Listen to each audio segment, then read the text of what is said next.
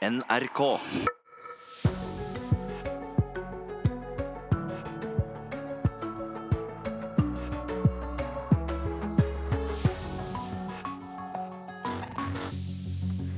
Og da har morgenen rent sendemessig kommet også til oss her i Nyhetsmorgen, og i den nærmeste tiden skal vi snakke mer om et nytt kapittel i historien om luftambulansen. Arbeiderpartiet krever nå ambulanseflygaranti. Hvert år kastes det tonnevis av fullt brukbare sykler på søpla. Fangene på ildseng gir syklene nytt liv. Og Norge spiller i A-gruppa i ishockey-VM også neste gang, men det var med et nødskrik. Politikere i Oslo mener selv at de ikke blir hørt når det gjelder utformingen av det nye regjeringskvartalet. De mener at det er et problem. Dersom vi nå ender opp med å eh, f.eks. rive Y-blokka og samle alle departement uten at eh, et eneste folkevalgt organ har behandla det, så mener jeg at det er et demokratisk problem. Det sa Guri Melby i Oslo Venstre. Og mer av henne og mer av Kulturnytt får vi om et kvarters tid eh, omtrent, vil jeg si. Ja, Vi følger jo også meklingen for NRK-journalistene. Dersom det blir en streik f.eks., så får du vite det med en gang her hos oss. Ganske sikkert. Eh, og så krysser vi fingre for at, eh, at, meklingen går bra, og at man kommer til enighet eh, på best mulig vis, vil jeg, ja. selvfølgelig si. Vi begynner eh, altså med Arbeiderpartiet Jonas Gahr Støre. Han sier nå at det virker som om helseminister Bent Høie er mer opptatt av anbudsprosessen enn pasientens sikkerhet. I dag skal helseministeren forklare seg om ambulanseflykrisen i Stortinget. Og Ap krever at Høie garanterer god ambulanseflyberedskap i Nord-Norge. Han har jo til nå hørtes ut som har vært mer opptatt av anbudsprosessen enn av pasientens sikkerhet. Det er helseminister Høie som har det politiske ansvaret for at byttet av ambulanseflyoperatør ikke skal gå ut over tryggheten. Når han i dag forklarer seg om ambulanseflykrisa i Stortinget, møter han kritiske politiske motstandere. Det viktigste er at helseministeren garanterer for at han kan stå inne for at sikkerheten er god nok, beredskapen er god nok. Eh, og så må han også klargjøre eh, for hva som skal sikre at også framover eh, så blir dette trygt. For nå slutter det nøkkelpersonell, det slutter piloter. Og hvilken beredskap har han for å ivareta det? Flere av partiene har kvessa argumenter mot Høie. Senterpartiet og leder Trygve Slagsvold Vedum sa det slik til NRK i går. Det som er det viktigste, det er at eh, nå må eh, staten med eh, Bent Høie sørge for at det blir trygghet rundt beredskapen nå. Partiet Rødt vil ha Stortinget til å annullere hele anbudet som det britiske selskapet Babcock har fått til å ta over ambulanseflydrifta. Så langt ønsker ikke Ap og stortingsflertallet å gå nå. Stortinget kommer ikke til å komme med noe vedtak i dag som avvikler Babcock-kontrakten. Det blir med Høies forklaring og en debatt. Men Støre holder likevel døra på gløtt for at Ap etter hvert kan gå inn for et stortingsvedtak som fører til en ny anbudsprosess. Vi kan jo ikke utelukke at det å nullstille et sånt tilbud begynner på nytt med krav og kriterier som gjør at man er sikre på en eventuelt overgang, at det kan bli nødvendig. Men det skal ikke vi konkludere før vi har hørt helseministeren. Og reporter her var Håvard Grønli. Å høre helseministeren, det skal du få nå. Fordi eh, Bent Høie sier i en kommentar at han ikke har registrert et eneste forslag fra Arbeiderpartiet som har med pasientsikkerhet å gjøre. Men det har vært min hovedoppmerksomhet. Derfor er det satt inn eh, to helikopter fra Forsvaret med lege og helsepersonell om bord. Det er leid inn ekstra eh, fly. Men jeg registrerer at det eneste Arbeiderpartiet det er at de skal vurdere et forslag fra Rødt som i realiteten innebærer at en fra neste sommer står uten noen luftambulansetjeneste i Norge. Og da, programleder i Politisk kvarter Bjørn Myklebust, skulle man jo nesten tro at det også ble ambulanseflysaken i Politisk kvarter i dag, men nei da. Men nei da. I dag er det dagen for eh, revidert nasjonalbudsjett også. I tillegg til den ambulansesaken som kommer opp i Stortinget. Må det vel en finansminister på besøk, da? Siv Jensen kommer. Eh, revidert nasjonalbudsjett det er jo en, er en oppdatering da, av budsjettet som ble vedtatt før jul. For eh, det skjer jo alltid ting på et halvt år som gjør at kartet kanskje må tilpasses nytt terreng. Eh, mange lurer kanskje på om det kommer noe mer til flomsikring etter problemene man har hatt de siste ukene. Hva skjer med sukkeravgiften, som eh, gjør at flere handler i Sverige f.eks.? Hva med palmeoljen i driv, biodrivstoffet vårt? Må reglene endres? Sånne ting som har mm. dukket opp siden sist de så på dette her. Um, og så kommer jo Siv Jensen sikkert til å sitte der og være veldig hemmelighetsfull og si at dette må vente til vi legger fram budsjettet senere i dag. Um, men vi, tar en prat om norsk økonomi og sånn, som jo legger noen sånne rammer for alt dette her. Og ja. de kan ta seg råd til. Ja, Så har det jo kommet, blitt høyere oljepris også. Det har det også. Men det så... reflekteres kanskje ikke allerede nå i, i revidert, eller? Eh, de kommer nok med nye anslag, og de har jo lagt seg ganske lavt. Og så har den flydd i været pga. mange internasjonale forhold. Så, men så spørs det, da. Betyr det at vi kan åpne lommeboka, da? Ja. Det blir spennende å høre. Politisk kvarter om drøye timen, kvart på åtte her i eh, Nyhetsmorgen. Det forsidene på dagens aviser eh, i dag. Hva står det på dem? Dagens Næringsliv skriver om rettighetsorganisasjonen Tono, som nå anmelder den amerikanske musikkstrømmetjenesten Tidal til Økokrim. De frykter at norske artister og komponister har blitt påført økonomisk tap fordi Tidal har jukset med avspillingstallene. Amerikanske Tidal, som du kanskje husker, var tidligere norske Wimp, og ble kjøpt opp og er eid av blant andre rappstjernen JC.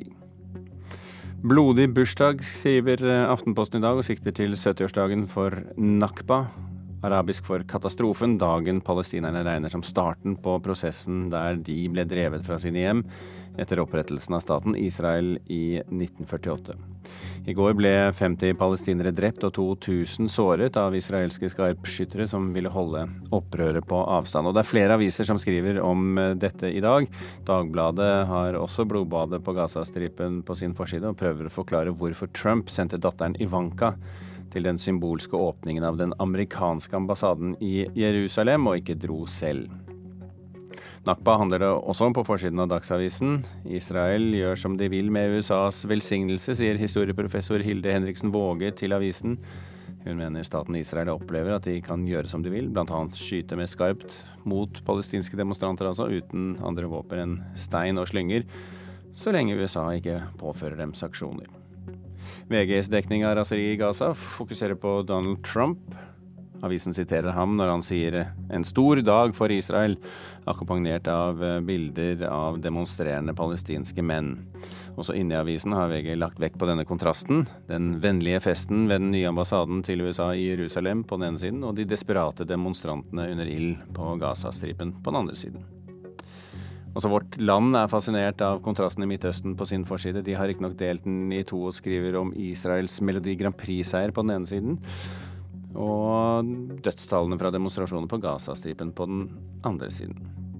Og Det var de avisene som har eh, Gaza-konflikten på sine forsider. Det er et par-tre aviser til. I serien av folk som gjør gode penger på saker og ting, så skriver Finansavisen i dag om investeringsfondet Capman, som selger reklame- og designfirmaet North Alliance, og hvordan det gjør sitt til at gründeren Thomas Hagebøl er blant dem som kan cashe inn. Og ifølge avisen skal selskapet være verdt milliardbeløp. Nasjonens forside er også av det litt lett forutsigbare slaget. Regjeringen lytter ikke til Stortinget og styrer mot brudd i jordbruksforhandlingene. Det er det bondelagsleder Anders Felde i Sogn og Fjordane som sier. Og til slutt, andre dagene, altså disse fridagene knyttet til pinse, påske og jul, de bør eh, byttes bort for å sikre andre fridager, slik som muslimenes helligdag id, verdens miljødag og kvinnedagen. Og så tror du kanskje nå at det er muslimer og humanister og andre som foreslår dette, men det er det ikke. Det er Norges kristelige studentforbund som kommer med forslaget, og du kan lese mer om det i dagens utgave av Klassekampen. Ja, Det hang eh, i en eh, tynn tråd, det skal sies, men Norge berget altså plassen i A-gruppa i ishockey-VM etter seier 3-0 over Sør-Korea i går kveld. Presset var stort på det norske laget i den siste kampen i et mesterskap der de måtte unngå tap for å fortsette i gruppa.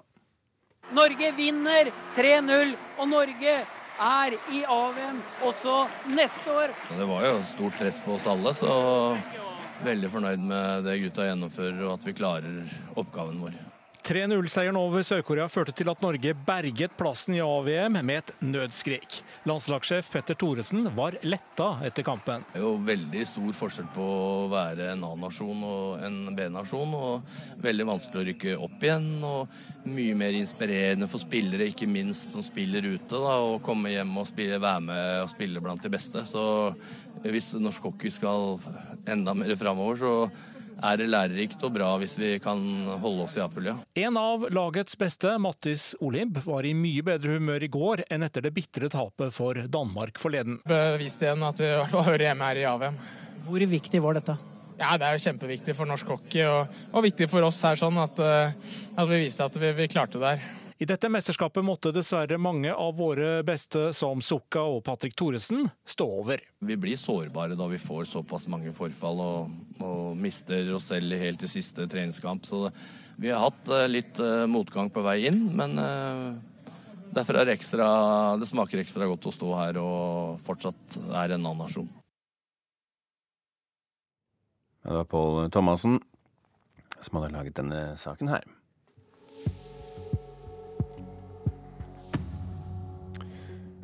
Da vi nærmer oss eh, kvart på sju her i Nyhetsmorgen.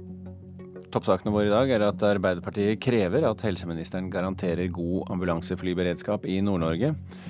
USA har blokkert en oppfordring fra FNs sikkerhetsråd om å ha en uavhengig etterforskning av volden på Gazastripen. Og meklingen fortsetter på overtid eh, for NRK-ansatte. Vi skal til Riksmeklerens kontor om noen minutter her eh, i Nyhetsmorgen. I mellomtiden skal vi snakke om nykonfirmert ungdom som viser never fulle av penger på sosiale medier. Det er i hvert fall ikke et spesielt uvanlig syn i disse dager. Mange som får mindre beløp, tør ikke si hva de har fått, eller velger å lyve kanskje litt om beløpet, fordi mange driver med det som nå kalles pengeflashing. Det forteller niendeklassinger ved Marienlyst ungdomsskole i Drammen. Det var noen som la det sammen på My Story. Ja, hvor at vi hadde fått 127 000. De som får ganske mye penger, går jo rundt og skryter, skryter av det, da. Ja, på ja, sosiale sånn medier. Bilder eh, av hånda deres med masse penger i og sånn. Det er veldig mange som legger ut og sånn etter konfirmasjonen sin og Har du gjort det, eller? Jeg har faktisk ikke gjort det, så jeg er stolt der. De står på skolekjøkkenet på Marienlyst skole og lager pannekaker dagen derpå. I går ble flere av dem konfirmert, og beløpene som havna på gavebordet, var høye. 100 000 tror jeg det er til sammen. Det er mye penger? Ja, jeg skal bruke det på eh, å studere. Ja, nemlig. Eh, jeg liker egentlig ikke å snakke om hvor mye penger og sånt jeg har og får, så jeg liker egentlig å holde det hemmelig. Mm. Men alle tenker ikke som Olav. På sosiale medier er det i disse dager tjukt med kommentarer av nykonfirmerte som forteller om svært høye pengebeløp. Også på nettsiden til ung.no, statens informasjonskanal for ungdom. Rådgiver Tina Årdal refererer. Men det er eh, i hvert fall én kommentar her hvor det er en som skriver 'jeg fikk 64 000', ble dritfornøyd. En annen som skriver 'fikk 87 500', skal kjøpe meg lett motorsykkel'. Jeg hadde konfirmasjon nettopp. Jeg visste at jeg kom til å få litt, ja. Fikk rundt 107 000. Og så har vi litt andre type kommentarer. Der er det en som skriver fikk 20 000 pluss ordentlig dress, skjorte, sko og noen smågaver. Synes det var ganske bra. Det, øh, så hører jeg senere på skolen at folk fikk 45 68 120 000. Den laveste jeg hørte, var 22 000. Og da holdt en i klassen på å begynne å le. Gjennomsnittlig ligger det 52 000 kroner på konfirmantenes gavebord i år, viser nye tall fra DNB. Får du mindre, er det flaut, mener mange av niendeklassingene. Det er, vel, det er liksom at man føler seg liksom Ikke at man er fattig, på en måte, men at man føler seg sånn dårlig. At man er Egentlig bare at familien din har mindre penger og sånn, da. Og så er det sånn f.eks. hvis kompisen din får 100 000 og du får sånn 10 000, så er det jo litt sånn Du føler deg litt sånn trykka Eller tråkka på, da. Ja, jeg, hos oss uh, ser vi i hvert fall at de, at de uh, forteller gladelig om hva de har fått, og hvor mye de har fått i kommentarfeltet. Når, de som sender inn spørsmål, er jo mest opptatt av uh, om det de har fått er normalt. Det er jo ofte de som kanskje har fått holdt på å si lite, men i hvert fall mindre enn det de anser som normalt. da. Som syns det er flaut og lurer på hva de skal si når, eh, når de andre om, snakker om dette på skolen og, og, forteller hva de har fått. Da. Eh, men eh, vi opplever at det har vært en økning av det her, helt klart. Er det mer nå enn det det var før? Ja, veldig mye. Ja. Det er mye lettere å gjøre det kanskje sånn på nett eller sosiale medier. Sånn, da. Eh, det som er nytt med sosiale medier, er jo at det kan bli forsterket fordi det blir eh, kringkastet hva man får, og at det utvikler seg et slags eh, sosialt press på barn og unge. Kaja Hegg fra Redd Barna sier at pengeflashingen på sosiale medier er med på å forsterke presset på de unge. Det er en stressfaktor som vi må lære barn å håndtere bedre. Og da tenker vi at det er viktig å forebygge gjennom å snakke om hvilke verdier man formidler.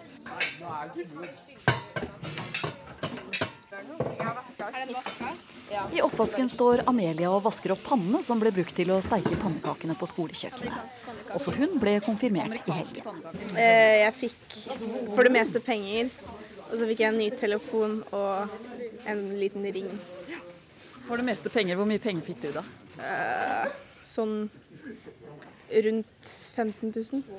Jeg syns det er helt grei mengde med penger. Det er liksom ikke, det er ikke lite, men det er ikke veldig, veldig mye heller, da. Så det er liksom akkurat passe.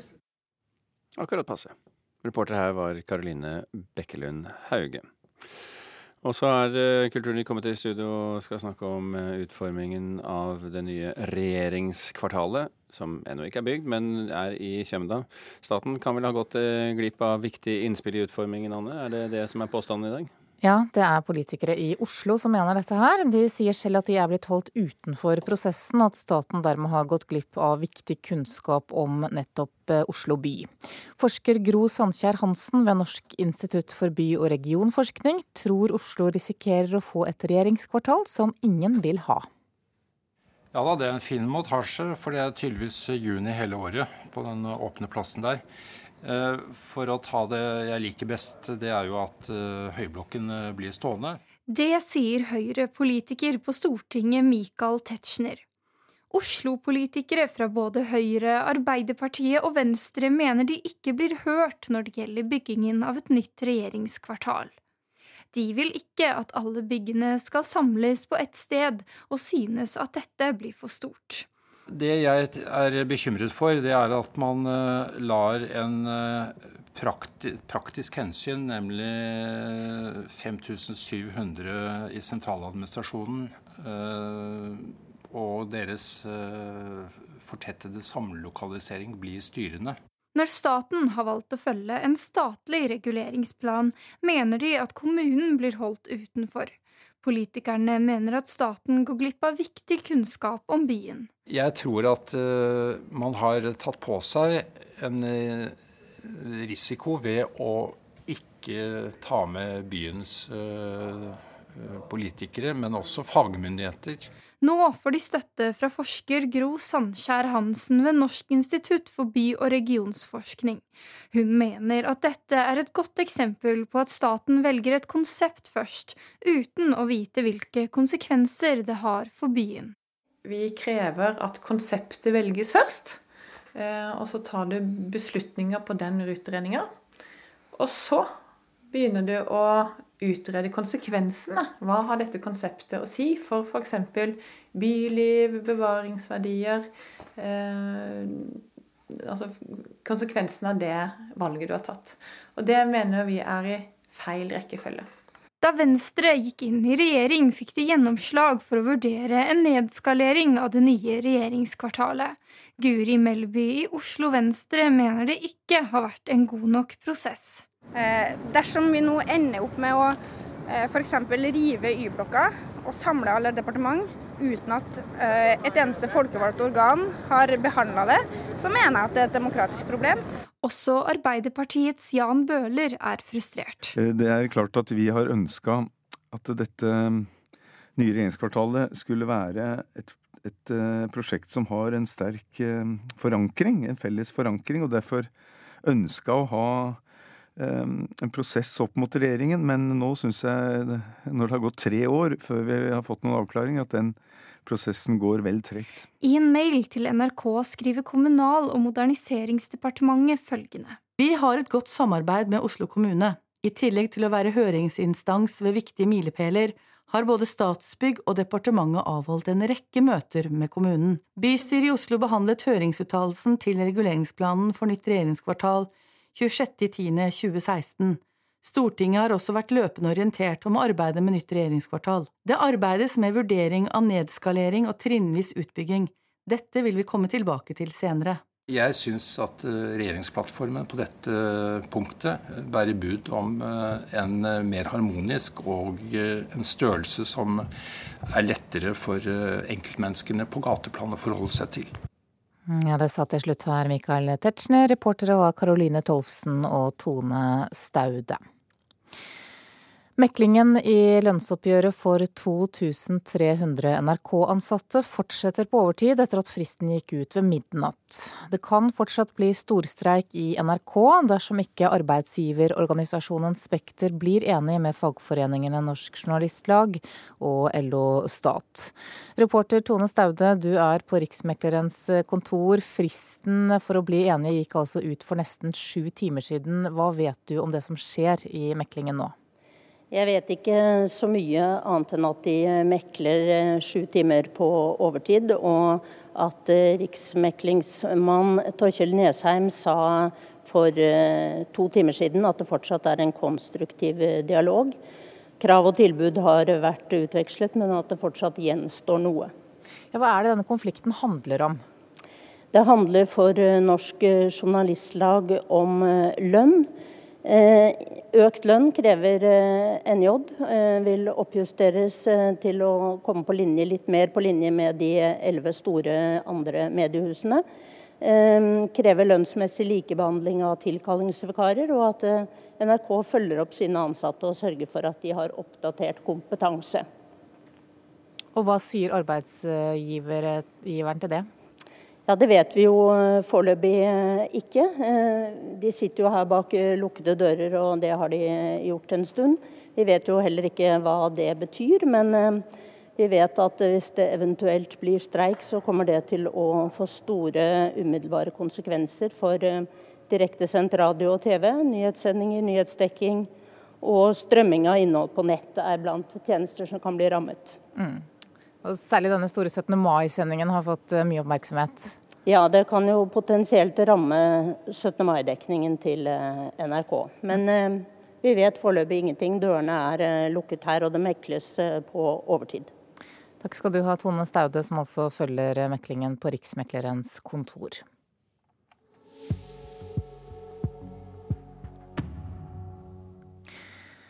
Nylig åpnet utstillingen Stille lys på Haugar Vestfold kunstmuseum. Utstillingen viser bilder med den kjente norske fotografen Morten Krogvold. Og Mona Palle Bjerke, kunstkritiker her i NRK, forklarer hvem Krogvold er. Ja, dette er en ruvende skikkelse norsk, på norsk fotokunstscene. Han har vært en ildsjel for fotografiet siden 70-tallet, eh, og er også en meget solid fotograf. Han er en ren magiker i mørkerommet. Han kan forvandle det mest trivielle eh, motiv til et spektakulært eh, kunstverk. Han er jo da sær kjent for sine fotografier, nei, for sine portretter, mener jeg, og det er mange av disse i utstillingen. Eh, og jeg er ikke enig med det direktør eh, Jan Åke Petersson skriver i katalogen, at det han gjør er å skrelle vekk det påtatte og det sosialt maskerte. Jeg mener tvert imot at det styrken i disse eh, portrettene ligger nettopp i iscenesettelsen. Det at han klarer å lade dem med fortellinger, og på en måte også aksentuere myter om den personen han eh, fremstiller. Ja, på hvilken måte da? Ja, F.eks. i portrettet av uh, Odd Nerdrum så har han da fotografert ham mot et av hans egne bilder. Og slik legger han da hans uh, karakteristiske kunstneriske uttrykk som en klangbunn, som er en så, del, så viktig del av uh, kunstneren, selvfølgelig. I tillegg holder han da noe som ligner på et speil i hånden. Og her får han da ikke bare dette med at man kobler han opp mot hans kunstneriske praksis, men også disse symbolene som ligger i motivet som ligger bakenfor. Her ser vi et hestehode rett bak ham. Og dette lader dette portrettet med en uro. Hesten er jo symbolet på angsten i naturen og de ville, uregjerlige kreftene, underliggende understrømmene i mennesket. Dette er veldig virkningsfullt. I tillegg så har han da dette speilet, som jo er en representasjonsmetafor som henviser til både maleriet og fotografiet. Og portrettet av kunstneren Sverre Maling så ser vi en lignende sånn iscenesettelse der denne, denne moderne eh, urbane mannen med sin hipsterfrisyre og sitt trendy helskjegg er fotografert inn mot et gammelmodig, veldig overdådig, liksom påfugl tapet. Eh, bak han står også en rik dekorert vase med påfuglfjær, og der henger da et bilde av en påfugl eh, på veggen bak ham. Hva denne metaforen påfugl, det kan man jo eh, tenke over, men i hvert fall dette rike, mønstrede universet rundt kunstneren som omslutter ham på alle kanter, det kan jo ses som et bilde på kunstnerens indre, rike verden. da. Mm. Men det er vel ikke alle portrettene som er så fortellende og så fulle av rekvisitter? Nei, i de fleste tilfeller så klarer han seg faktisk eller nøye med, med ansiktet, med gester, med kroppsspråk og for å fortelle det han vil fortelle. F.eks. For i det såbre portrettet av den lille, store dikteren Lars Saabye Christensen. Hans da vakre hodeform og drømmeblikket som han fornemmer bærer i seg et vell eh, av fortellinger. Og så er det vel sånn at det ikke bare er portretter som vises heller? Det er det ikke. Han beveger seg mellom mange ulike sjangere. Som portrettfotograf står han i veldig stor gjeld til den amerikanske fotografen Richard Avedon, men vi ser jo i hans bylandskaper også at han er veldig inspirert av Edward Weston, f.eks. Eh, og iblant så kan han jo bli nesten pikturalistisk, altså sånn nesten malerisk i sine fotografier. Eh, f.eks. å hylle sine bilder inn i en dis, eller gi dem en slags bruntone. Jeg liker nok best når han ikke går i en for pikturalistisk retning, og disse bylandskapene hans de kan vippe mellom det litt for sånn postkortpittoreske til der hvor han virkelig treffer helt blink. Og et bilde som jeg var veldig fascinert av, det er da Piazza del Popolo. Denne ovale plassen i nordenden av Roma sentrum, innenfor bymuren der, eh, hvor han har skildret denne plassen i regnvær, sånn at hele plassen glitrer og skimrer av vann. Og det oppstår sånne gåtefulle speilinger som også spiller opp mot den store arkitektoniske speilingen som preger denne plassen, med tvillingkirkene på hver sin side av Via del Corso. Men Er det blitt en bra utstilling på Haugård, syns du? Ja, dette er blitt en veldig bra utstilling, og det er faktisk den første retrospektive museumsutstillingen eller presentasjonen av Krogvold, og det var jo virkelig på tide. Mona Palle Bjerke, hun er kunstkritiker her i NRK.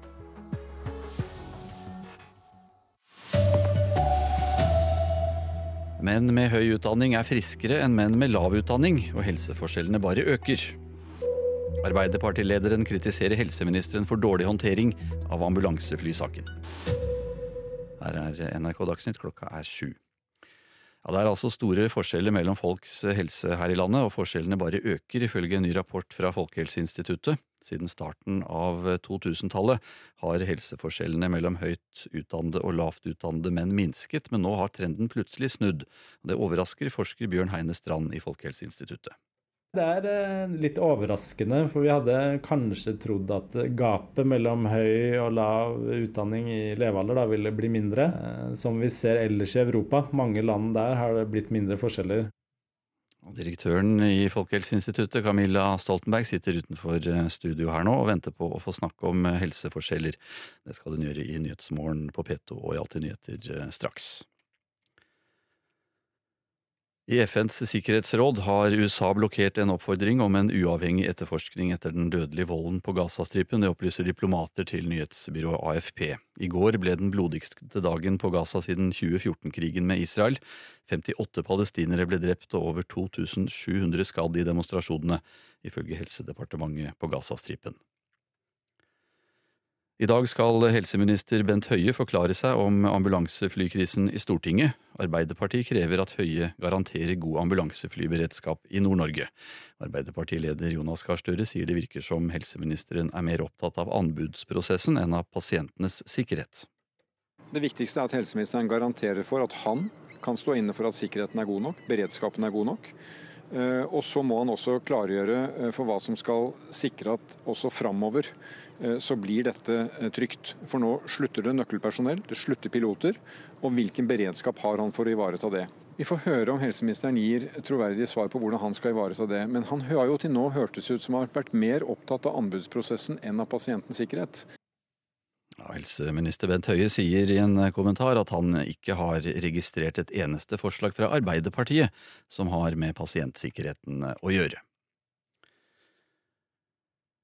Russen har vært eh, involvert i bråk og slåssing flere steder eh, i landet i natt. I Sørkedalen i Oslo gikk det hardt for seg da et eh, tjuetalls russ sloss der, ifølge politiet. Og i Mekjarvik i Randaberg laget russ mye bråk og ødela flere trær ved en rasteplass. I Bergen ble en russ sparket ned på Espehaugen. Og i Alta fikk politiet inn flere klager på at russen holdt naboene våkne i natt. NRK Dagsnytt, Anders Borgen Werring.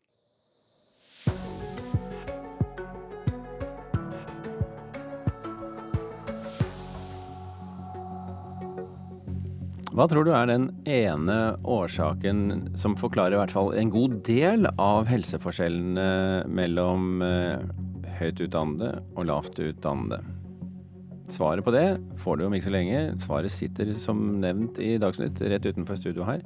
Og vi skal eh, komme tilbake til eh, de forskjellige overraskende helseulikhetene i Norge.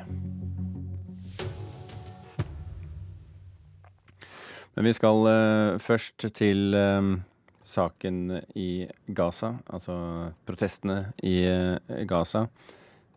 Vi har med oss, hører jeg nå, Sigurd Falkenberg Mikkelsen, som har kommet frem til stedet etter kraftig sammenstøt det siste døgnet. Sigurd, hva skjer? Det høres litt fredeligere ut akkurat nå? Ja, nå er det morgentimene her i grenseområdet, og det er ikke kommet rapporter om noen nye demonstrasjoner eh, nå. Det er uansett litt eh, tidlig for det. Eh, men det store spørsmålet er jo om demonstrasjonene kommer til å fortsette også i dag, eller om de kommer til å tones ned. Opprinnelig så var jo dagen i dag satt til å være den siste dagen for disse marsjene som har, har vært holdt siden mars. Men etter gårsdagens dramatikk så kan det jo være det blir noe mindre i dag. Uh, ifølge avisen Haaretz så har også Hamas sendt signaler om at de ønsker å, å dempe demonstrasjonene. Uh, om de klarer det, eller, egentlig, eller kommer til å gjøre det, gjenstår uh, riktignok å se. Den blodigste dagen på flere år har vi hørt om her, som mange av norske aviser skriver om også i dag. Hvordan kan dette påvirke andre land som da vurderer å flytte sine ambassader?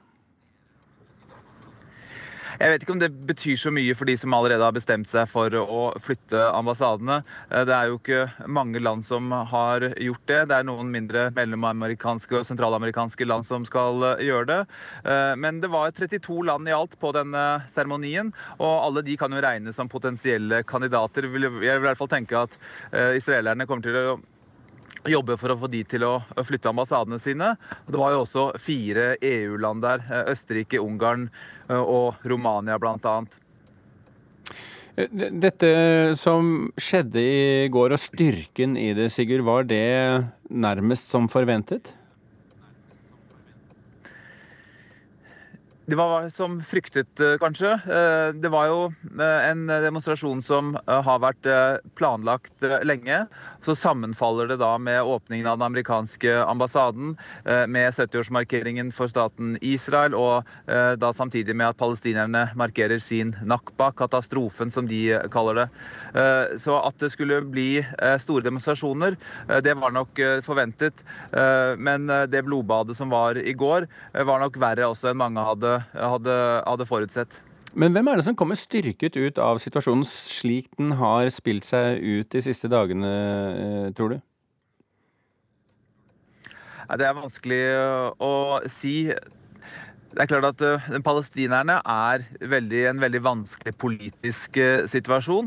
Uh, og Vi ser det også litt på reaksjonene som har kommet. Det har kommet sterke reaksjoner fra Tyrkia, som har trukket tilbake sin ambassadør for, både fra Tel Aviv og fra Washington. Sør-Afrika har trukket sin ambassadør fra Israel også.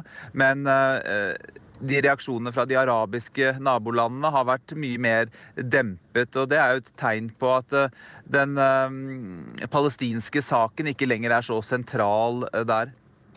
Det er, som du nevnte, stillere nå i morgentimene, og, og teoretisk sett ikke varslet noen ytterligere demonstrasjoner. Hva, hva skjer fremover nå, tror du? Nei, I Gaza så er det jo en dag for uh, sorg uh, og begravelser, først og fremst. Uh, og Så får vi se hvordan den spiller seg ut, om det også da kommer til å bli flere demonstrasjoner. det er litt tidlig å si. Jeg er på vei inn i Gaza nå, så da vil jeg antagelig vite litt mer utover dagen. Ok, Sigurd Falkenberg Mikkelsen, vi får uh, følge deg opp etter hvert som, uh, som utviklingen uh, går videre. Vi får også seniorforsker ved Noref, Marte Eian Heian Engdahl på besøk litt senere i sending i dag. Det er vel sånn etter klokken åtte en gang her i Nyhetsmorgen.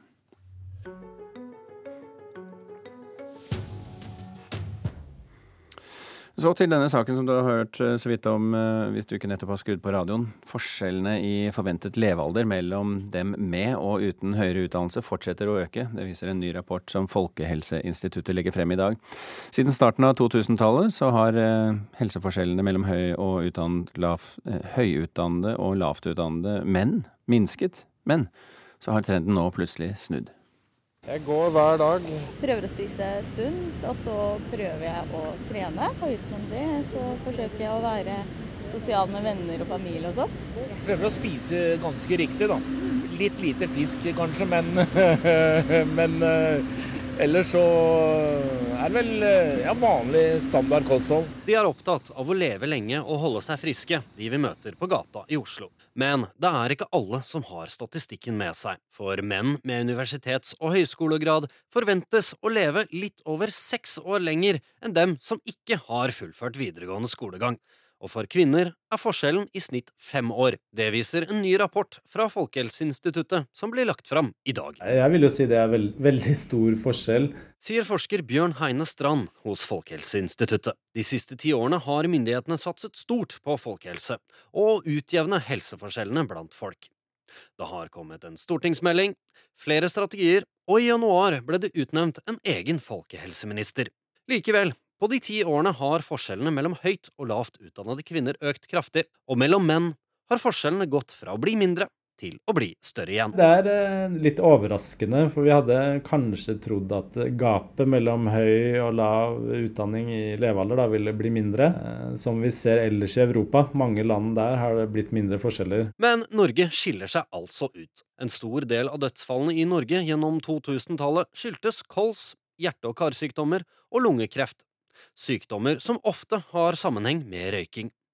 Og nå, når røykingen blant eh, nordmenn er redusert kraftig, også blant de med lavere utdanning, så trodde mange at de store forskjellene i forventet levealder ville minke. Men det gjør den altså ikke. Eh, det er også andre ting som skiller den lavt utdanna fra den høyt utdanna, som, som handler om mange andre ting enn en røyking.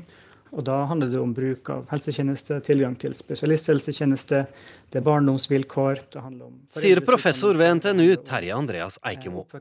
Han har forsket på helseforskjellene i Norge. Eh, det handler i store hele om, eh, om veldig dype eh, sosiale, sosiale, årsaker som starter veldig tidlig, og som, som hopes opp i løpet av, i løpet av livet.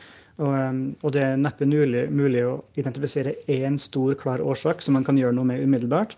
Og Det er derfor det er så mye viktigere å, å, å gjøre eh, store tiltak, universelle tiltak, som, som favner alle de her områdene, og ikke bare, ikke bare, røyking. Dette er mulig å snu, men hvordan man skal gjøre det, det er, eh, det er liksom tusenkronerspørsmålet. Det ser ikke ut som det er så veldig mye som har funka hittil, men uh, det er vanskelig å gjøre noe med det i praksis, ser det ut som. Og det var forsker Bjørn Heine Strand i Folkehelseinstituttet som sa det til slutt, og reporter her det var Marit Gjelland og Kaspar Fuglesang. Sjefen til Bjørn Heine han sitter her hos meg i dag. Camilla Stoltenberg, direktør i Folkehelseinstituttet, velkommen til Nyhetsmorgen. Takk. Eh, vi, vi, hørte det her, røyking. Hvor sentral vil du si at røyking er som eh, forklaringsmodell på, på helseforskjellene? Røyking er fremdeles viktig for å forklare forskjellene i dødelighet mellom de med lav utdanning og de med høy utdanning, og er kanskje den viktigste enkeltfaktoren.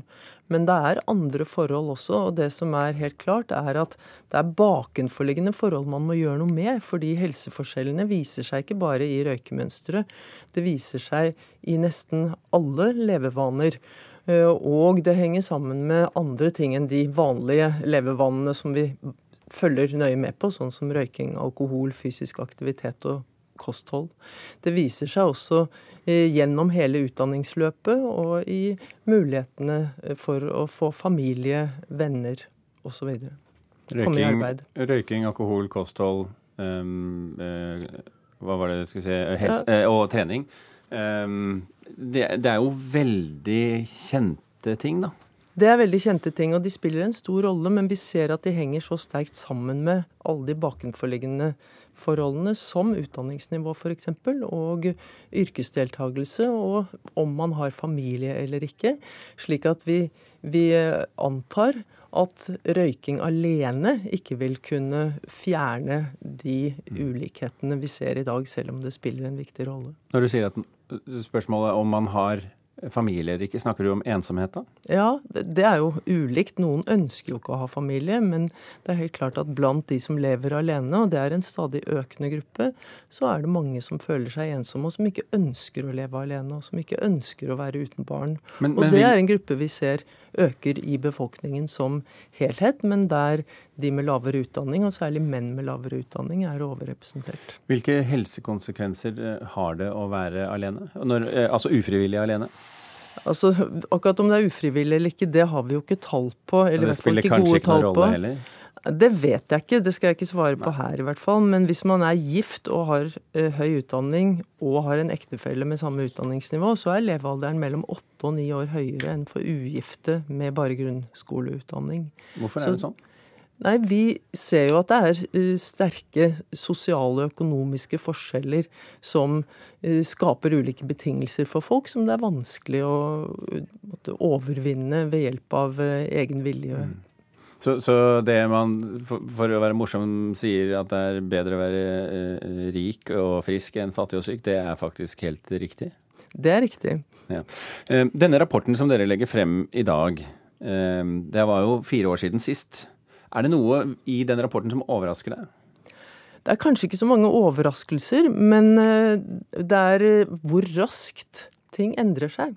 Altså nedgangen i risiko for å dø tidlig av hjerte-karsykdom, den går veldig fort. Og der er det utvikling bare på disse årene. Og, det og hva, er, hva er det som forklarer det? Nei, Det er noe av det samme. Der har også nedgangen i røykeandel spilt en vesentlig rolle. Men i tillegg så er det mye bedre behandling. Slik at man både kan forebygge ved hjelp av eh, medikamenter og på annet vis eh, om man får hjerte-karsykdom, og man lever lenger med det hvis man først har fått det. Altså at man ikke dør av det. Eh, og jeg avbrøt deg jo litt uhøflig her, men du mm. skulle si en ting til også? Nei, den raske endringen, den forbedringen, den kommer jo veldig store deler av befolkningen til gode. Men der er det altså grupper som henger etter, og som ikke får glede av det. Og det er da særlig de med lav utdanning og inntekt. Så hva er nøkkelen for eh, at også de med lav eh, utdanning skal eh, komme seg opp på et bedre helsenivå statistisk sett? Altså for det første så bør vi forstå hva det er som virkelig betyr noe for disse sosiale og økonomiske forskjellene i samfunnet, som driver forskjellene også når det gjelder helse, og gjøre noe med det. Og det handler om utdanningssystemet, arbeidslivet, altså hele politikken i alle sektorer. Og i tillegg så må man jo bidra til at også de gruppene klarer å slutte å røyke og mm. får bedre betingelser for å velge et sunt kosthold og mer fysisk aktivitet, f.eks. Som f.eks. da? Hva er sånne betingelser? Sånne betingelser? Nei, det er jo i hele diskusjonen om f.eks. man skal ha en annen prispolitikk, en annen tilgjengelighet når det gjelder alkohol. Mm.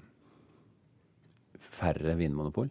Nei, den, den diskusjonen det vil jeg ikke gå inn på her i det hele tatt. Det, det vet vi dessuten ikke. Altså, vi, det vi vet er at Vinmonopolordningen fungerer bra når det gjelder alkoholinntak i Norge. Camilla Stoltenberg, du legger frem denne her eh, rapporten formelt sett da, om et par timers tid. Eh, og så blir det vel mer diskusjon etter hvert, eh, tenker jeg. Tusen takk for at du var med oss her i Nyhetsmorgen. Takk.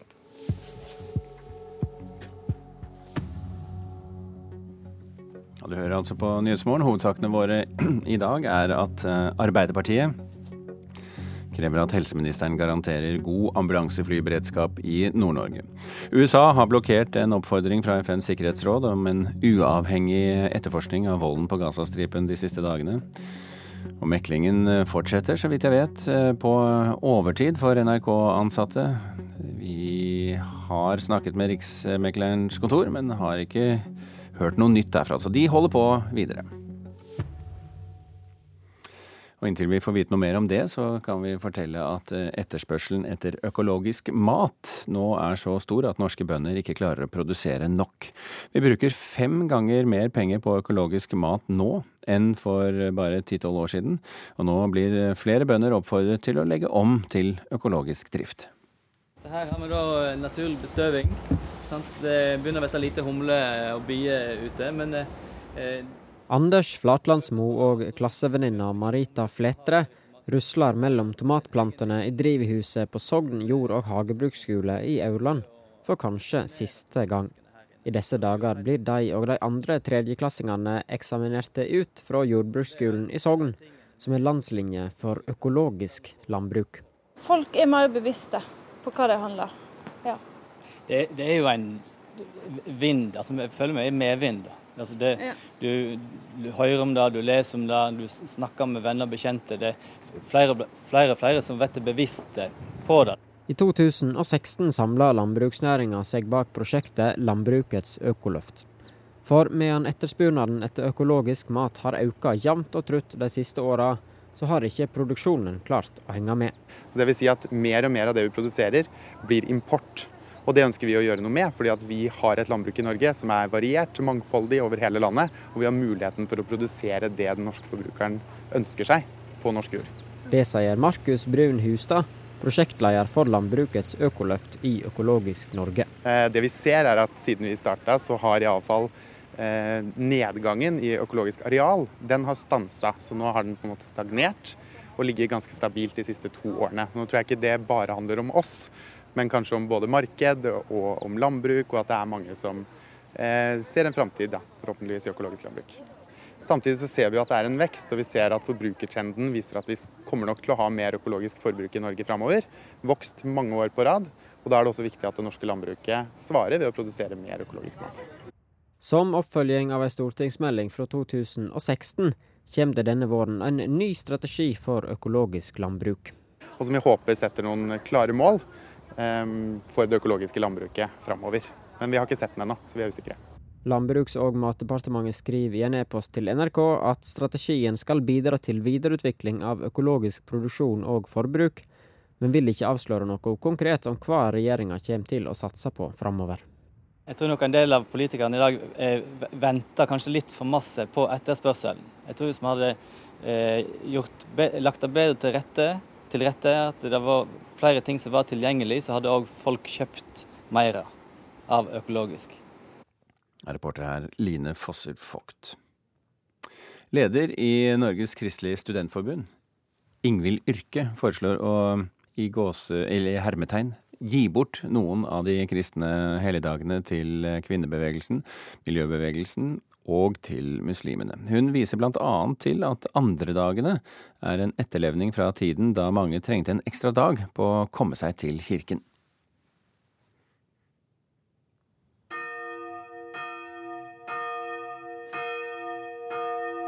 De fleste av oss går ikke lenger i kirken på de såkalte andre dagene, andre juledag, andre påskedag og andre pinsedag. Derfor bør den kristne majoritetsbefolkningen gi bort disse dagene til kvinnebevegelsen og den muslimske minoriteten. Det sier leder i Norges kristelige studentforbund, Ingvild Yrke, til Klassekampen. Hun viser til at prestene Einar Gelius og Per Anders Nordengen tidligere denne uka sa til Agderposten og Vårt Land at disse dagene bør avskaffes fordi folk ikke lenger har noe forhold til dem. Yrket ønsker derimot ikke å fjerne dagene, men mener i stedet det vil være en nestekjærlig handling å gi muslimene en fridag. Torsdag er det 17. mai, og av andre pinsedag velger mange nordmenn å utnytte den ovale weekenden til å reise på hytta eller dra ut med båten.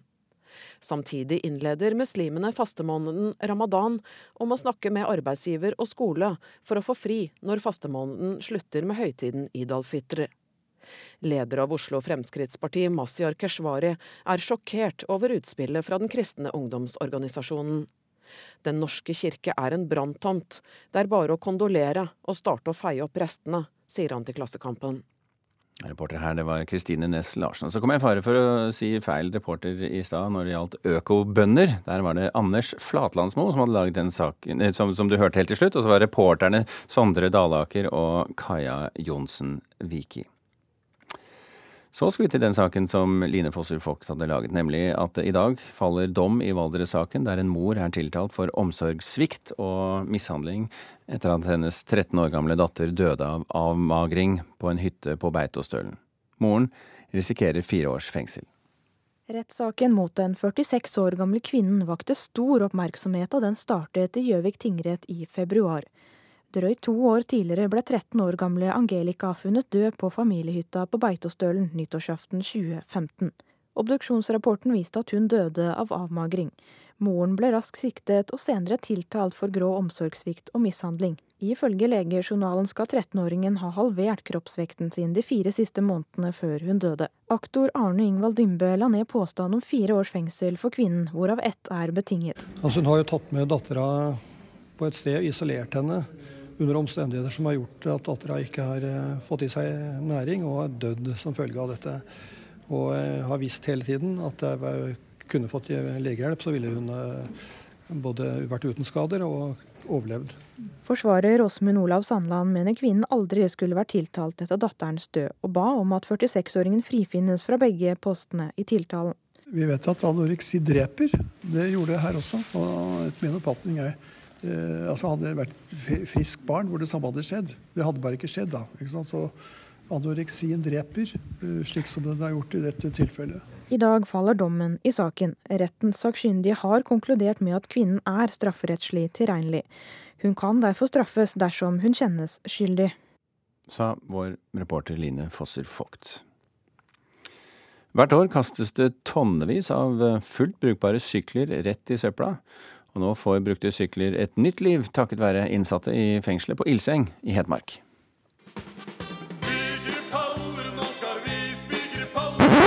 Nei, det spikres ikke paller lenger i fengselet på Ilseng. Slutta med paller i 2007 eller noe sånt. Ja. ja. Så nå er det småhus og, og rastebenker og, og, sykler, ikke minst, da, som vi skal se på. Det er nok, da. Bare kom inn, og så kom rett fram der det står inngang, du. Ja, fint det. Sykkelen her var jo halvveis vrak når vi fikk den inn, så vi har jo tatt den helt fra hverandre. La oss kalle ham Per. Før soning visste han lite om å rense sykkelhjullageret. Veldig lite, men det har vært veldig lærerikt å være her. Lære å plukke det fra hverandre og sette det sammen. Så jeg er jo teknisk interessert, så det hjalp jo på. De defekte syklene kommer fra avfallsplasser eller fra private kjellere og garasjer. Her, på sykkelverkstedet i fengselet på Ilseng, får de et nytt liv. Jeg har jo vært her nå i fire måneder, og jeg tror vi har vel eh, hatt en drøyt 100 sykler i sirkulasjon her, tenker jeg, på den tida. Resykkel er et samarbeid mellom fengselet og Storhamar videregående skole. På kort tid har det blitt en suksess, sier sykkelentusiast og miljøterapeut Bengt Arne Storsveen. Her har jeg plass til åtte mann på sykkelverksted, og det er stort sett kø for å få lov til å jobbe på sykkelverksted. Ja, Det er mer vellykket enn jeg hadde turt å håpe på. Hovedhensikten er å gi brukte sykler nytt liv, og samtidig gi innsatte en meningsfull hverdag. Sykkelmekanikere er det veldig lite av.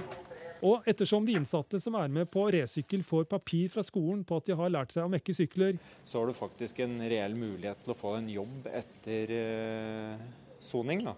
Og vi har flere sånne suksesshistorier hvor vi har sendt noen fra sykkelverkstedet Resykkel på Ilseng til Red Redbike i Oslo, og derifra videre og ut i fast arbeid. Da. Jeg har lært veldig, veldig mye. Jeg har vært her. Det er bra. En av de innsatte som har fått seg jobb etter å ha fått opplæring på sykkelverkstedet på Ilseng, er Christer Lind. Nei, det er veldig bra det. At man kan få en mulighet til å få jobb. Jeg har jo gått arbeidsledig før jeg begynte å sone fengsel, så det kan ikke bli bedre enn det. Vet du hva, Jeg syns dette er et fantastisk bra opplegg. Hilde Frostad, fagleder ved Storhamar videregående skole, sier resykkel bidrar til å dekke mangelen på mekanikere til sykkelreparatørfaget. Muligheten til eh, å få et yrkesliv i ettertid. Og så er det det at det folk som da ikke har råd til å kjøpe seg en sykkel, kanskje, får nå muligheten til å kjøpe seg en billig sykkel og begynne å sykle, og kanskje få bedre helse og nytt liv. Og det er det mange som har gjort. I snitt selger fengselets sykkelbutikk ved fengselet i Hamar 15 sykler per salgsdag. Prisen er fra 200 for en barnesykkel og opp til 1000 for en voksensykkel. Vi prøver å ta så lite som mulig for eh, sykla. Det er det som er målet. At det, vi skal lage noe så billig som mulig, slik at det skal være et reelt alternativ. Da. Så i stedet for når du kjøper på Facebook eller Finn eller et eller annet, så mottar du en sykkel som ingen har sett over på en måte. Resykkel starta i det små for ett og et halvt år siden. Nå har de fått egen logo med egne bannere, nye T-skjorter og en splitter ny nettside som også er laga ved hjelp av innsatte. Og den nettsida den er jo litt som banebrytende i seg sjøl, for det er ikke mange fengsler som har kommet så langt. Hvert år kastes det tonnevis av brukte sykler. Bare fra gjenvinningsstasjonen i Elverum fikk eh, Resykkel inn 200 brukte sykler i fjor. Så det er mye sykler som blir kasta, som nå får et nytt liv. Da må vi liksom få på plass disse her bremseklossene, nye bremseklosser. Og Per syns soninga er blitt mer meningsfull når han får mekke sykler på verkstedet. Syns det er veldig givende. Både det å gjøre jobben og drive med det, og det å vite at når vi setter ting sammen og ting er i orden, at noen får glede av det etterpå. Det er det viktige. Og så har vi glede av det sjøl. Målet videre er å utvide åpningstida. Ha åpent enda flere dager på Hamar etter hvert. Det er for å prøve å utvikle oss enda mer. Vi har ikke tenkt å stoppe her. Bengt Arne Storsveen hørte du til slutt her. Han er miljøterapeut ved Ilseng fengsel. Og er du ute etter en uh, nyoveralt brukt sykkel? Lørdag 26. Eh, mai åpner Ilseng fengsel for salgsdag. Reporter Stein S. Eide. Så uh, kan vi jo ta med en uh, melding her på tampen før Dagsnytt 7.30 kommer inn i studio. Høyesterett har avgjort at bruk av politilue på profilbildet i sosiale medier det er straffbart. Dommerne i Høyesterett mener at uh, slik bruk er egnet til å villede publikum og til å svekke tilliten til uh, politiet. En mann som brukte et slikt profilbilde på Facebook, ble tingretten og lagmannsretten ilagt bot på 7200 kroner, men nektet å godta denne.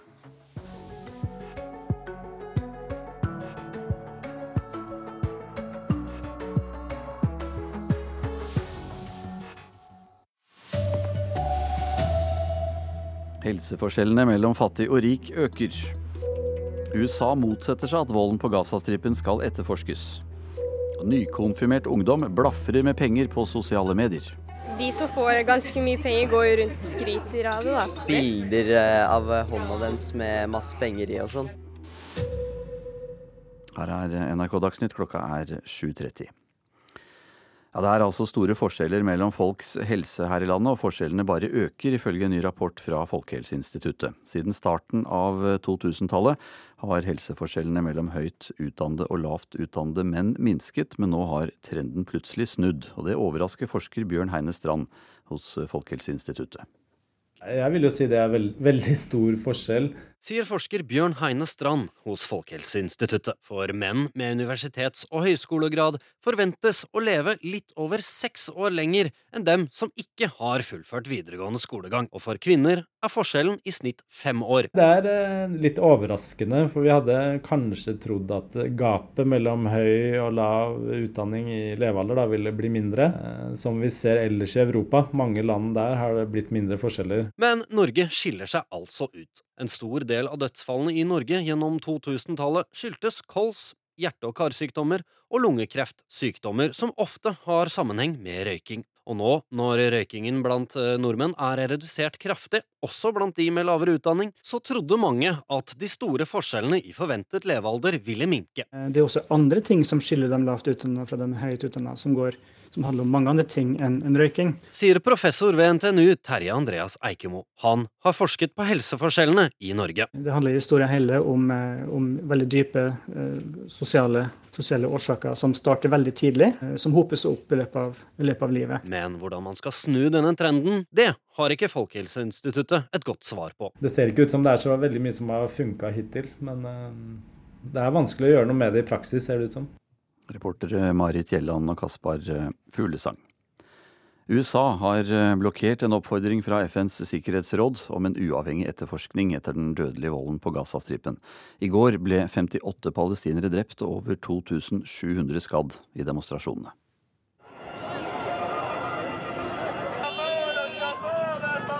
Volden gjorde mandagen til den mest blodige dagen på Gazastripa på flere år.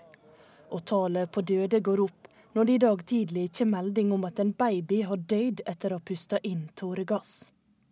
Og spenninga på Gazastripa er fremdeles stor når de døde i dag skal bli gravlagde. Mange frykter at protestene holder fram, og at flere kommer til å bli drepne. I et hastemøte i dag skal Tryggingsrådet i FN diskutere volden som oppsto på Gazastripa.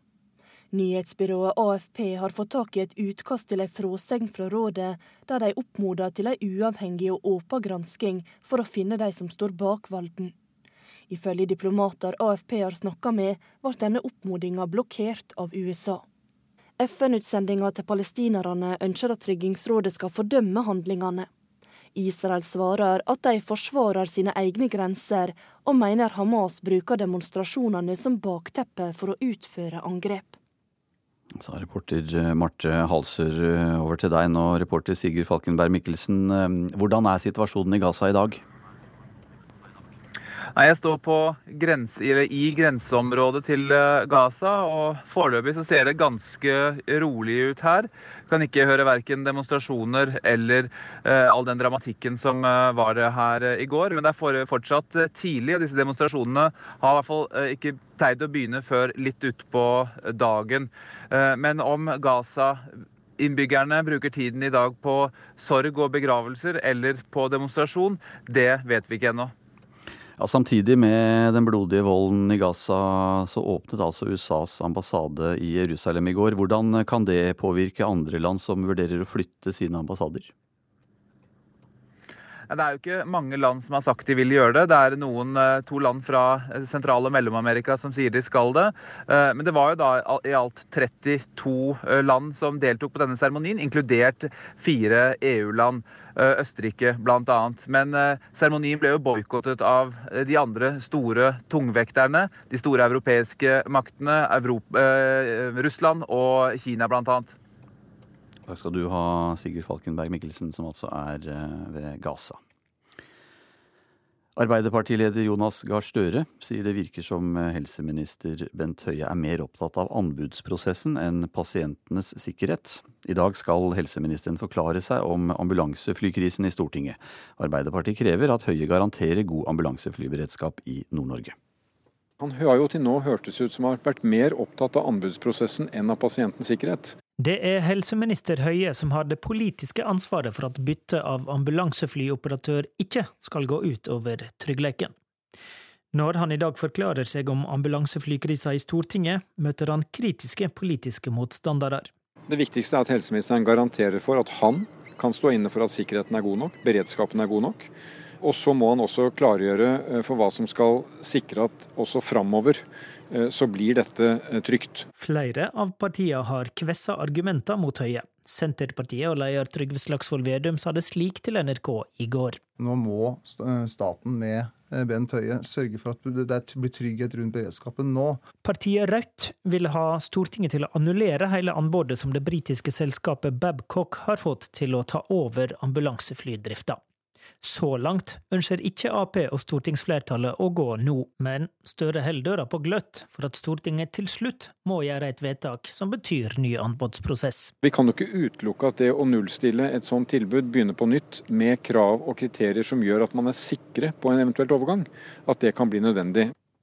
Reporter Håvard Grønli og helseminister Bent Høie sier i en kommentar at han ikke har registrert et eneste forslag fra Arbeiderpartiet som har med pasientsikkerheten å gjøre det har vært min hovedoppmerksomhet. Derfor er det satt inn eh, to helikopter fra Forsvaret med lege og helsepersonell om bord. Det er leid inn ekstra eh, fly.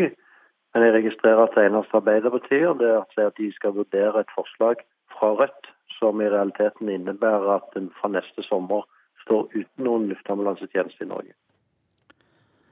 Meklingen eh, i lønnsoppgjøret for 2300 NRK-ansatte fortsetter på overtid. Det kan eh, fortsatt bli storstreik i NRK dersom ikke arbeidsgiverorganisasjonen Spekter blir enig med fagforeningene Norsk Journalistlag og LO Stat. Så fristen for meklingen hos Riksmekleren gikk ut ved midnatt.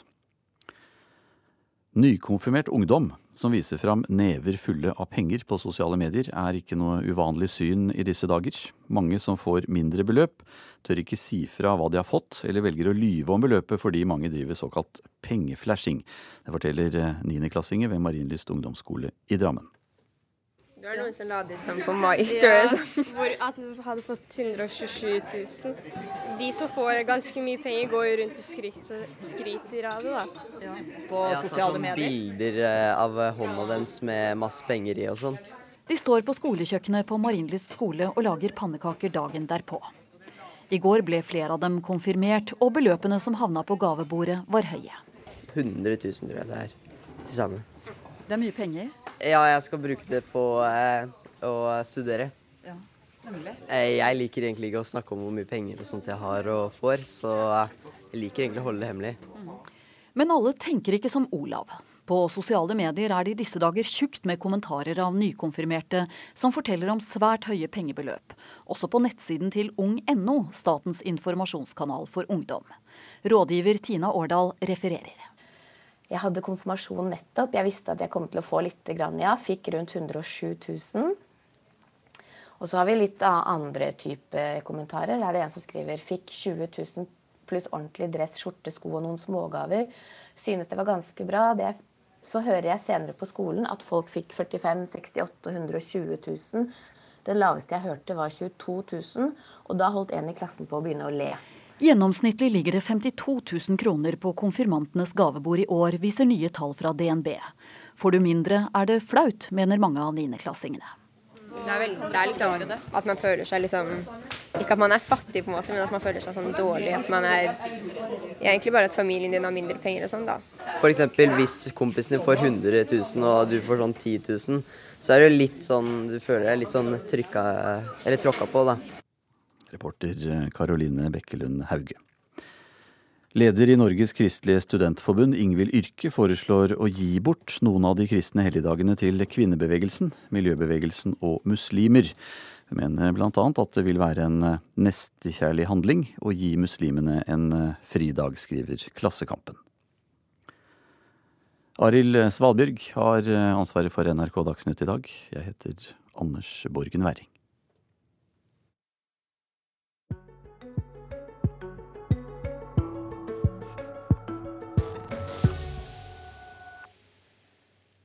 Siv Jensen er på vei inn i studio til Politisk kvarter, som kommer her om ca. fem minutter. I mellomtiden så skal du få høre om hun som sannsynlig er verdens sprekeste pensjonist, og som fyller 103 år i dag. Reporter Anja Strønen har latt seg fascinere av afroamerikanske Ida Keeling, som strør om seg med visdomsord. Hun drikker tran hver morgen og konjakk til kaffen. Dessuten så løper hun, eller løper og løper, hun sprinter. In lane three, here is Ida Keeling. You read that right. 100 years old. Det er 30. april 2016. På USAs eldste friidrettsbane ved University of Pennsylvania i Philadelphia står en nett dame på knappe 40 kilo. Den lille røde strikkeluen greier ikke å hindre det grå, krusete håret å stikke frem. Joggeskoene er lyse gule, treningsdressen sort og lilla. That's your body. You're supposed to love it and take care of it and do the best for it. Det er din kropp, du må elske den, ta vare på den og gjøre det som er best for den, sier Ida Keeling. Hun er over 100 år og skal prøve å slå verdensrekorden på 100 meter løp for hennes aldersgruppe. På tribunen heier nærmere 45 000 tilskuere. Hvordan det gikk, skal vi komme tilbake til.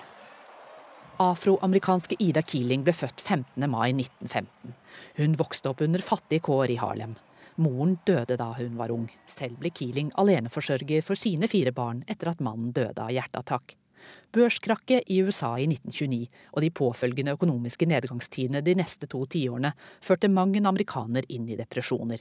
Keeling og barna bodde på ett rom og overlevde ved at Ida Keeling slet seg gjennom arbeid på en fabrikk. Hun var også aktiv i borgerrettighetsbevegelsen, som arbeidet med å skaffe USAs sorte befolkning like borgerrettigheter på lik linje med hvite, og fjerne rasistisk diskriminering mot svarte amerikanere. Selv holdt hun på å gi opp da begge sønnene ble drept med ett og et halvt års mellomrom i forbindelse med narkokriminalitet på slutten av 70-tallet. I felt like I was going down. Something went wrong, and I blamed myself. Jeg kom ikke over at sønnene mine ble drept. Noe gikk galt, og jeg tok på meg skylden, sier Ida Keeling til nyhetsbyrået Reuters. Redningen kom med den yngste datteren Shelly.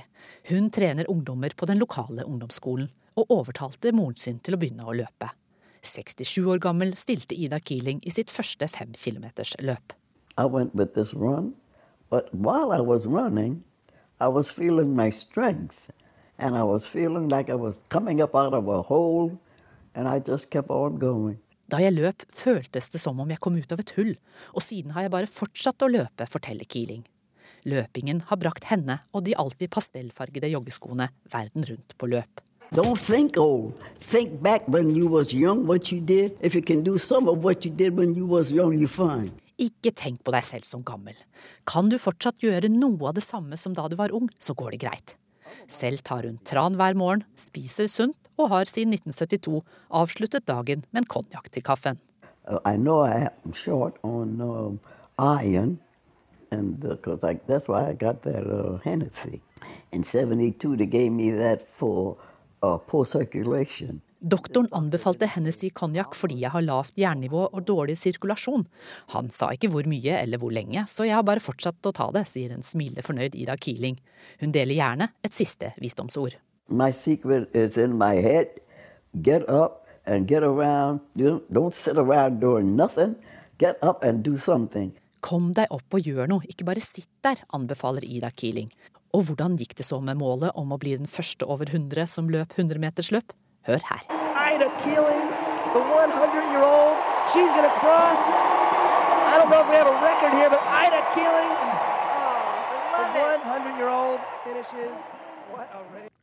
Hun fullførte faktisk 100-meteren på tiden 1 minutt og 17,33 sekunder, noe som ble verdensrekord altså for kvinner mellom 100 og 104 år. Hører på Nyhetsmorgen. Klokken er straks kvart på åtte. Toppsakene våre i dag er at helseforskjellene mellom folk med høy og lav utdanning i landet øker. Røyking er et viktig forklaringsmiddel. USA motsetter seg at volden på Gazastripen skal etterforskes, har blokkert en oppfordring fra FNs sikkerhetsråd. Og Da er det på tide med Politisk kvarter, og det skal handle om revidert nasjonalbudsjett. Og da gir det seg nesten selv hvem som er gjest.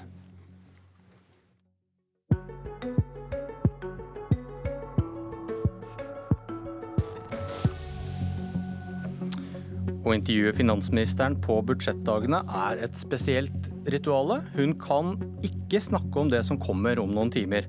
Det ville være å lekke. Så vi fornøyes med å snakke om det regjeringen allerede har lekket. God morgen og velkommen til Politisk kvarter, finansminister og Frp-leder Siv Jensen. God morgen. Om to timer legger du fram revidert nasjonalbudsjett en justering av det budsjettet for 2018 som dere fikk flertall for før jul. Eh, for på et halvt år så kan det jo da dukke opp saker som krever en eh, liten ekstra innsats. Men kun én justering presiseres det jo ofte, som vi snakket om her før sending også. Men dere, dere gjør reelle politiske valg, prioriterer noe og velger noe annet bort. Ja, Vi prøver jo ikke ta så veldig mange politiske liksom, ønsker inn i et revidert budsjett. Rett og slett fordi dette er en rundingsbøye hvor vi prøver å altså, få kart og terreng til å passe bedre sammen. Det er jo sånn at Når vi lager det store budsjettet om høsten, så er det ikke alltid like lett å treffe helt presist. Det kan skje ting underveis som gjør at vi trenger mer penger til et område, eh, eller mindre. Eh, og Derfor bruker vi jo revidert først og fremst til å få kart og terreng til å passe bedre sammen. Men det kan jo også skje ting underveis, som jeg sa, som gjør at vi må, må tilføre noe mer penger. Rammen for eh, disse valgene er hvordan det står til i norsk økonomi. Også i vår har jeg hørt deg og statsministeren skryte av regjeringens politikk. Den virker, ledigheten har gått ned. Men eh, hva betyr mest for norsk økonomi og arbeidsplasser? Oljepris, eller om det er du eller Jonas Gahr Støre som sitter i regjering? Det er mange ting som betyr noe for uh, norsk økonomi. Jeg må huske at Vi ble truffet av et alvorlig oljeprisfall i 2014, som uh, førte til at veksten i norsk økonomi stoppet opp, at arbeidsledigheten økte. Og Da spiller det jo en rolle hva slags politikk du iverksetter for å komme raskt gjennom krisen. Våre tiltak de virket hurtig puste opp skoler, sykehjem, barnehager osv. som satte folk i arbeid tidlig der hvor ledigheten oppsto. Eh, og så er det jo selvfølgelig riktig at oljeprisen betyr mye for norsk økonomi, men vi lærte jo av oljeprisfallet hvor sårbare vi er ved å satse på en måte veldig mye på én eh, næring. Derfor har jo vi brukt mye energi på eh, å legge til rette for et skattesystem som sprer investeringene. Investere mer i forskning og utvikling, sånn at vi får et mer bærekraftig samfunn fremover. Men hva er den store forskjellen? For, for du, du, har da sagt, eh, Noen i ditt parti har sagt at det hadde vært en katastrofe for landet hvis, eh, hvis Støre fikk overta, og du selv sa at Arbeiderpartiet ikke er i stand til å styre dette landet i samme åndedrag som du da skrøt av resultatene. Så hva er den store forskjellen hvis For Støre hadde vel også kommet med tiltakspakker? Ja, Det er mange store forskjeller på en Arbeiderpartiledet regjering og den regjeringen vi har nå. Det handler bl.a. om synet på enkeltmennesket, om synet på skatt. Arbeiderpartiet gikk til valg på å skjerpe skattene med mange milliarder kroner. Vi har redusert skattetrykket med 24 milliarder kroner fordi vi vet at det legger til rette for eh, mer investeringer, flere arbeidsplasser, og at folk klarer seg bedre selv. Arbeiderpartiet legger jo opp til en ja, Det er litt vanskelig å vite egentlig hva de mener i innvandringspolitikken for tiden, for de vingler. Eh, de vil jo ha ensretting og ikke mangfold i eh, helsetjenestene, eldreomsorgen, barnehagene osv. Når vi ser de nå slår seg sammen med Rødt og SV, og vil gjøre det vanskeligere for private å, å lage mangfold og konkurranse. Så det er store forskjeller, ja. Du, eh, du ender, man ender opp, opp, i dette forskjellen på synet på, på skattelette mellom dere, når dere ser på hvordan dere innretter tiltak for å få fart i økonomien, bl.a. Nå nevnte jeg jo flere eksempler, da, og det handler jo også om hvordan man innretter eh, andre virkemidler. Det er, ta samferdselspolitikken. Men la oss ta dette med skattelette. Det kan vi gjerne. Eh, du påstår at skattelette har ført til flere jobber. Kan du dokumentere det? Nei, Jeg sier at uh, lavere skatt generelt er et godt virkemiddel. Uh, det er et godt virkemiddel for deg og meg.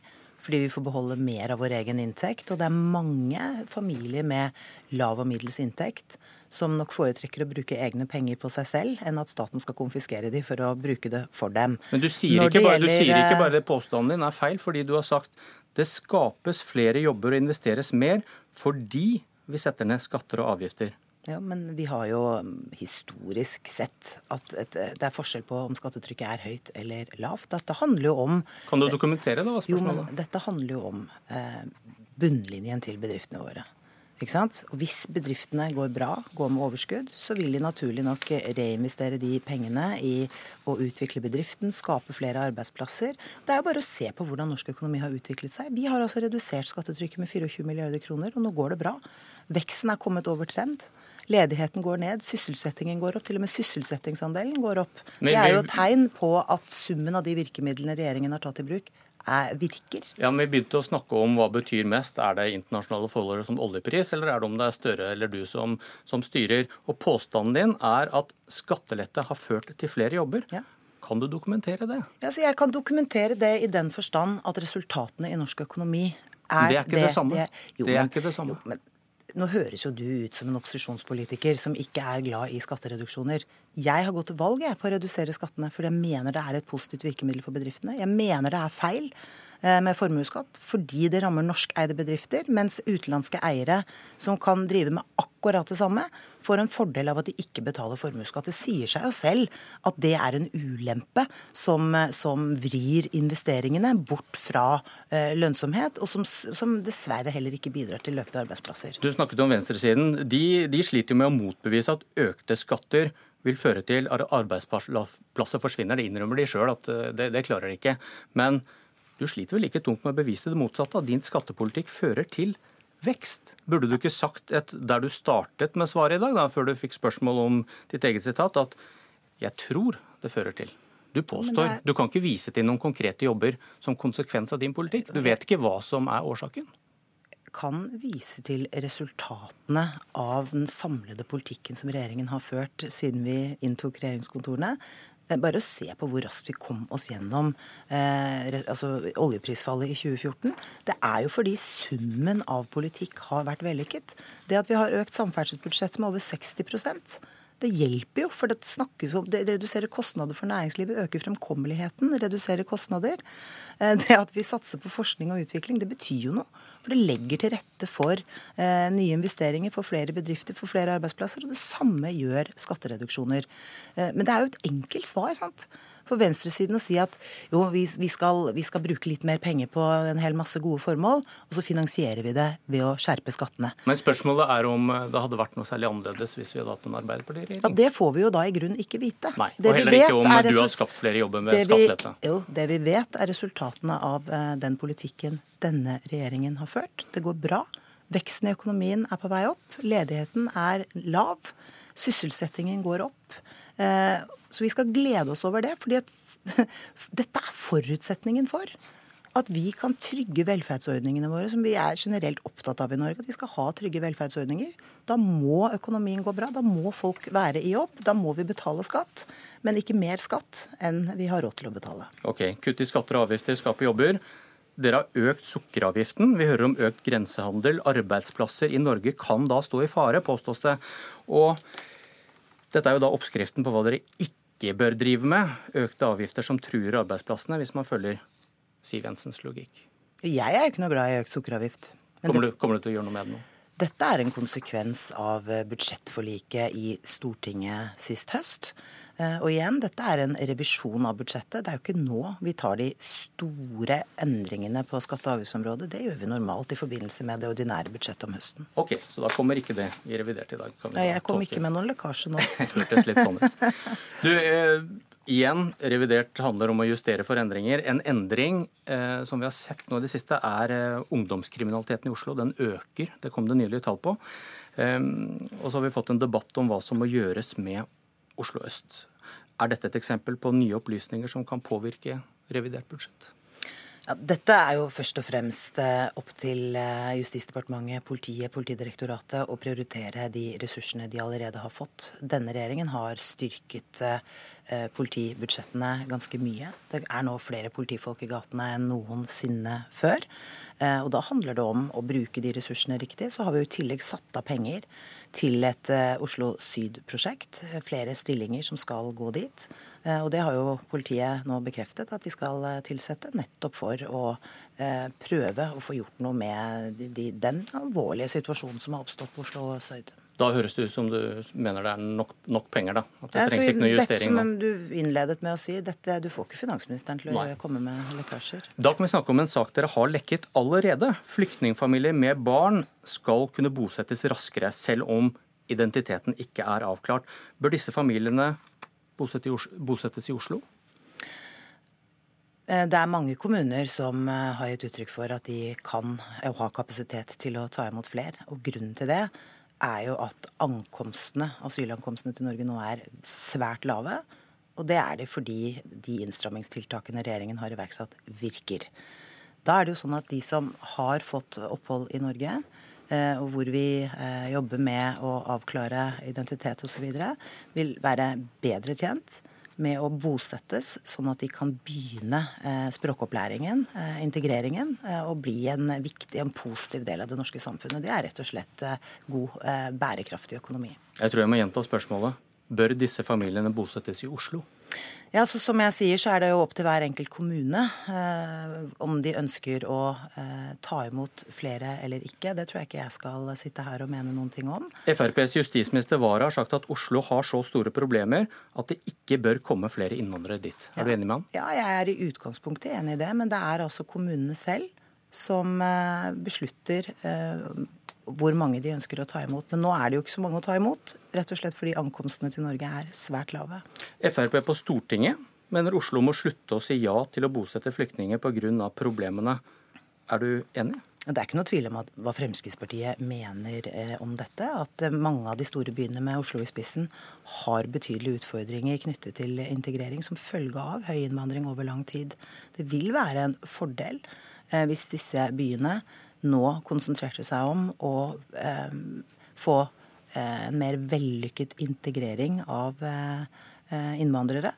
Eh, det handler jo om bærekraften i økonomien vår. Det handler om at flere må kunne leve av sine egne inntekter. Må, da må man lære seg norsk.